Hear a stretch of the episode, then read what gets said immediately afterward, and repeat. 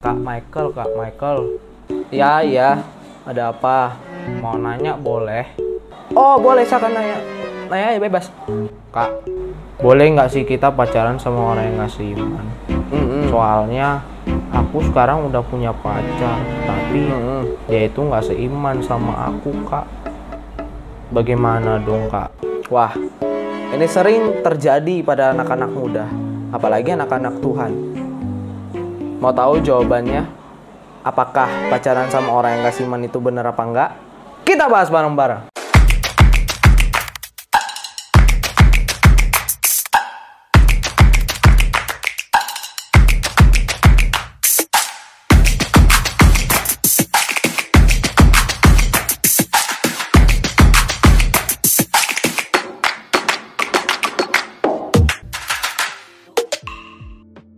Friends, kalau kita lihat pacaran beda agama merupakan salah satu pertanyaan yang paling sering ditanyain.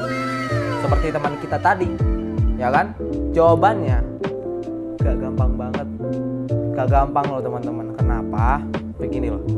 Banyak orang yang punya pandangan uh, yang terkadang pro sama kontra tentang pacaran kasih iman. Dan ada yang berpendapat bahwa hal itu sah-sah aja.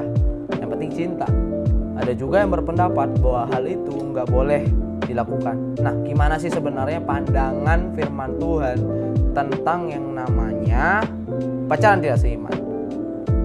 Let's check this out. Friends, menurut aku ternyata pacaran nggak seiman itu nggak benar. What?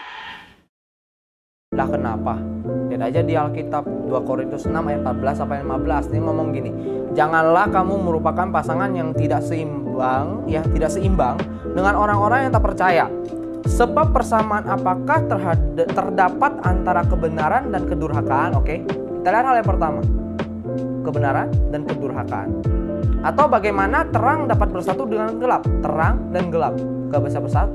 Terus, persamaan apakah terdapat antara Kristus dan Belial? Apakah bagian bersama orang-orang percaya dengan orang-orang yang tak percaya? Apa sama yang mereka sih? Beda.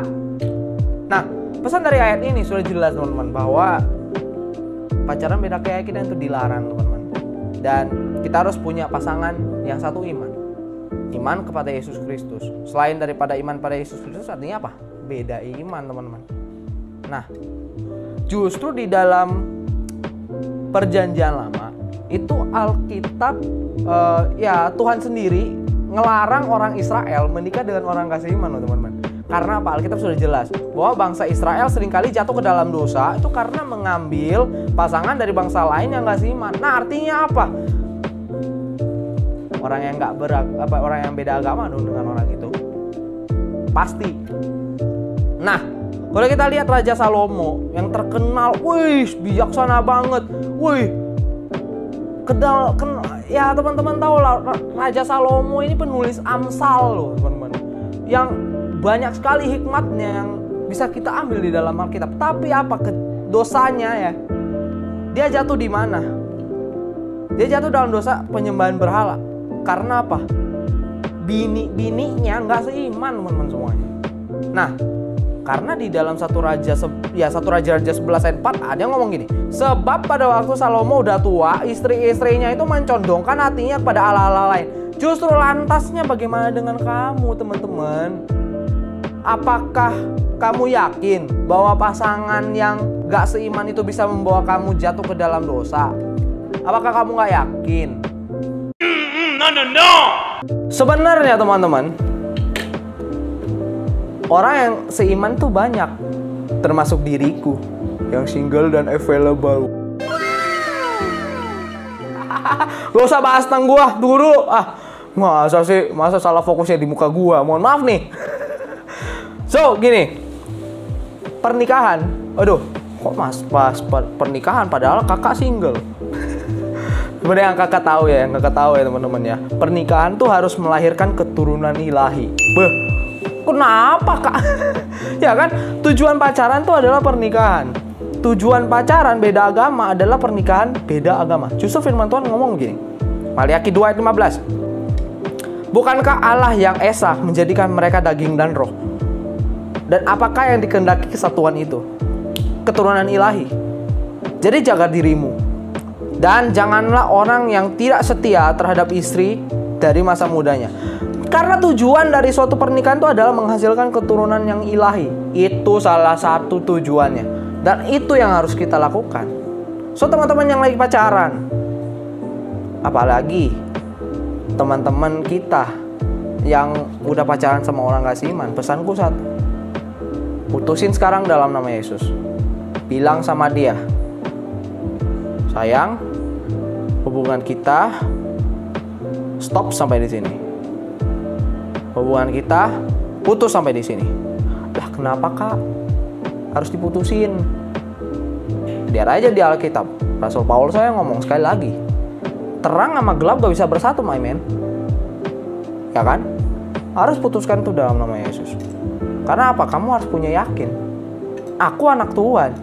Aku nggak boleh jatuh cinta sama orang yang tidak mencintai Yesus Tuhan, Yesus saya sebagai Tuhan dan Juru Selamat. So, that's why the reason teman-teman semuanya. Oleh sebab itu, kita harus punya pasangan hidup yang seiman dan kita harus menghasilkan keturunan ilahi. Nah, itulah perintah Tuhan di dalam Alkitab, teman-teman semuanya. Nah, ini penting buat kita. And that's why menurutku pacaran beda agama itu dilarang. Kak, jika cowok aku atau cewek aku mau ikut kita gimana? Dan pada dasarnya sebenarnya pastikan dia benar-benar percaya atau enggak.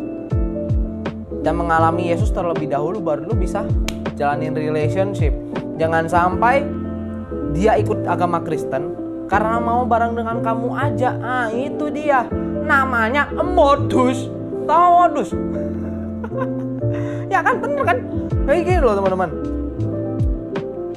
Justru yang harus kita fokuskan yang penting itu adalah bagaimana seseorang tersebut telah mengenal terus mengalami Yesus sehingga percaya bahwa Yesus itu adalah Tuhan dan juru selamat pribadinya. Nah, ini hal yang penting, teman-teman. Nah, percuma seseorang pindah agama Kristen kalau nggak kenal Yesus terlebih dahulu. Nah, ini gobloknya. Ya kan? So, gini loh teman-teman. Jangan hanya ngelihat dari rupa aja. Ingat, apa yang nggak dilihat oleh manusia, ya, itu yang Tuhan lihat. Karena Tuhan lihat hati, bukan bagian luar. Susah sekali untuk mendapatkan yang seiman. Gimana dong, Kak? Nah, ini dia. Kata susah gak ada di kamus gua. Oh tahu, susah itu kenapa nggak ada di kamus gua? Ayo, ayo, ayo, ayo, ayo, ayo, ayo. ya benar teman-teman. Mungkin banyak yang mengalami seperti ya kok malah orang dari agama lain yang dekat sama kita. Kalau itu ya jelas aja karena kita itu Indonesia. Kita Indonesia negara mayoritas. Ya kan? Di negara kita Indonesia memang banyak yang mayoritas gitu ya. Oleh karena itu kemungkinan untuk dekat dengan orang satu iman mungkin kecil kemungkinannya. Pasti mungkin kecil. Tetapi apakah tidak mungkin untuk orang yang selalu dekat dengan yang tidak seiman untuk mendapatkan sangan yang seiman? Tenang aja. Coba kamu perluas pergaulan. Kenapa? Karena itu penting buat kamu. So, jangan pernah menghindar dari persekutuan. Itu dia. Jangan menghindar dari fellowship. Jangan menghindar dari apa pun yang kamu kerjakan dalam kegiatan-kegiatan rohani kamu. Jangan sampai kamu berhenti. So, yakin dan percaya bahwa Tuhan kasih berikan pasangan hidup yang terbaik. Terutama gua yang jomblo ini. Wah, udah itu aja teman-teman. Udah. Thank you loh teman-teman semuanya yang udah nanyain. Aduh, teman kita ini yang cewek cantik ini thank you loh. Udah nanyain ya yang namanya pasangan yang gak seiman, tapi ingat ya teman-teman, bagi yang single jalani single yang baik-baik. Oke? Okay? Thank you semua teman-teman yang udah ikut di dalam Ayo bahas bareng episode yang kedua ini. Tuhan memberkati teman-teman semuanya dan jangan lupa untuk subscribe dan jangan lupa untuk bagiin ke teman-teman dan jangan lupa untuk follow sosial media yang uh, um, sosial media yang uh, sudah tertera di bawah sini. Ya teman-teman semuanya. So thank you teman-teman semua yang udah join di dalam uh, YouTube channel ini. So make sure teman-teman bisa bagiin ke teman-teman uh, lain karena ini bisa berguna buat teman-teman semuanya. See ya di Ayo Bahas bareng berikutnya. Tuhan berkati kita. Bye.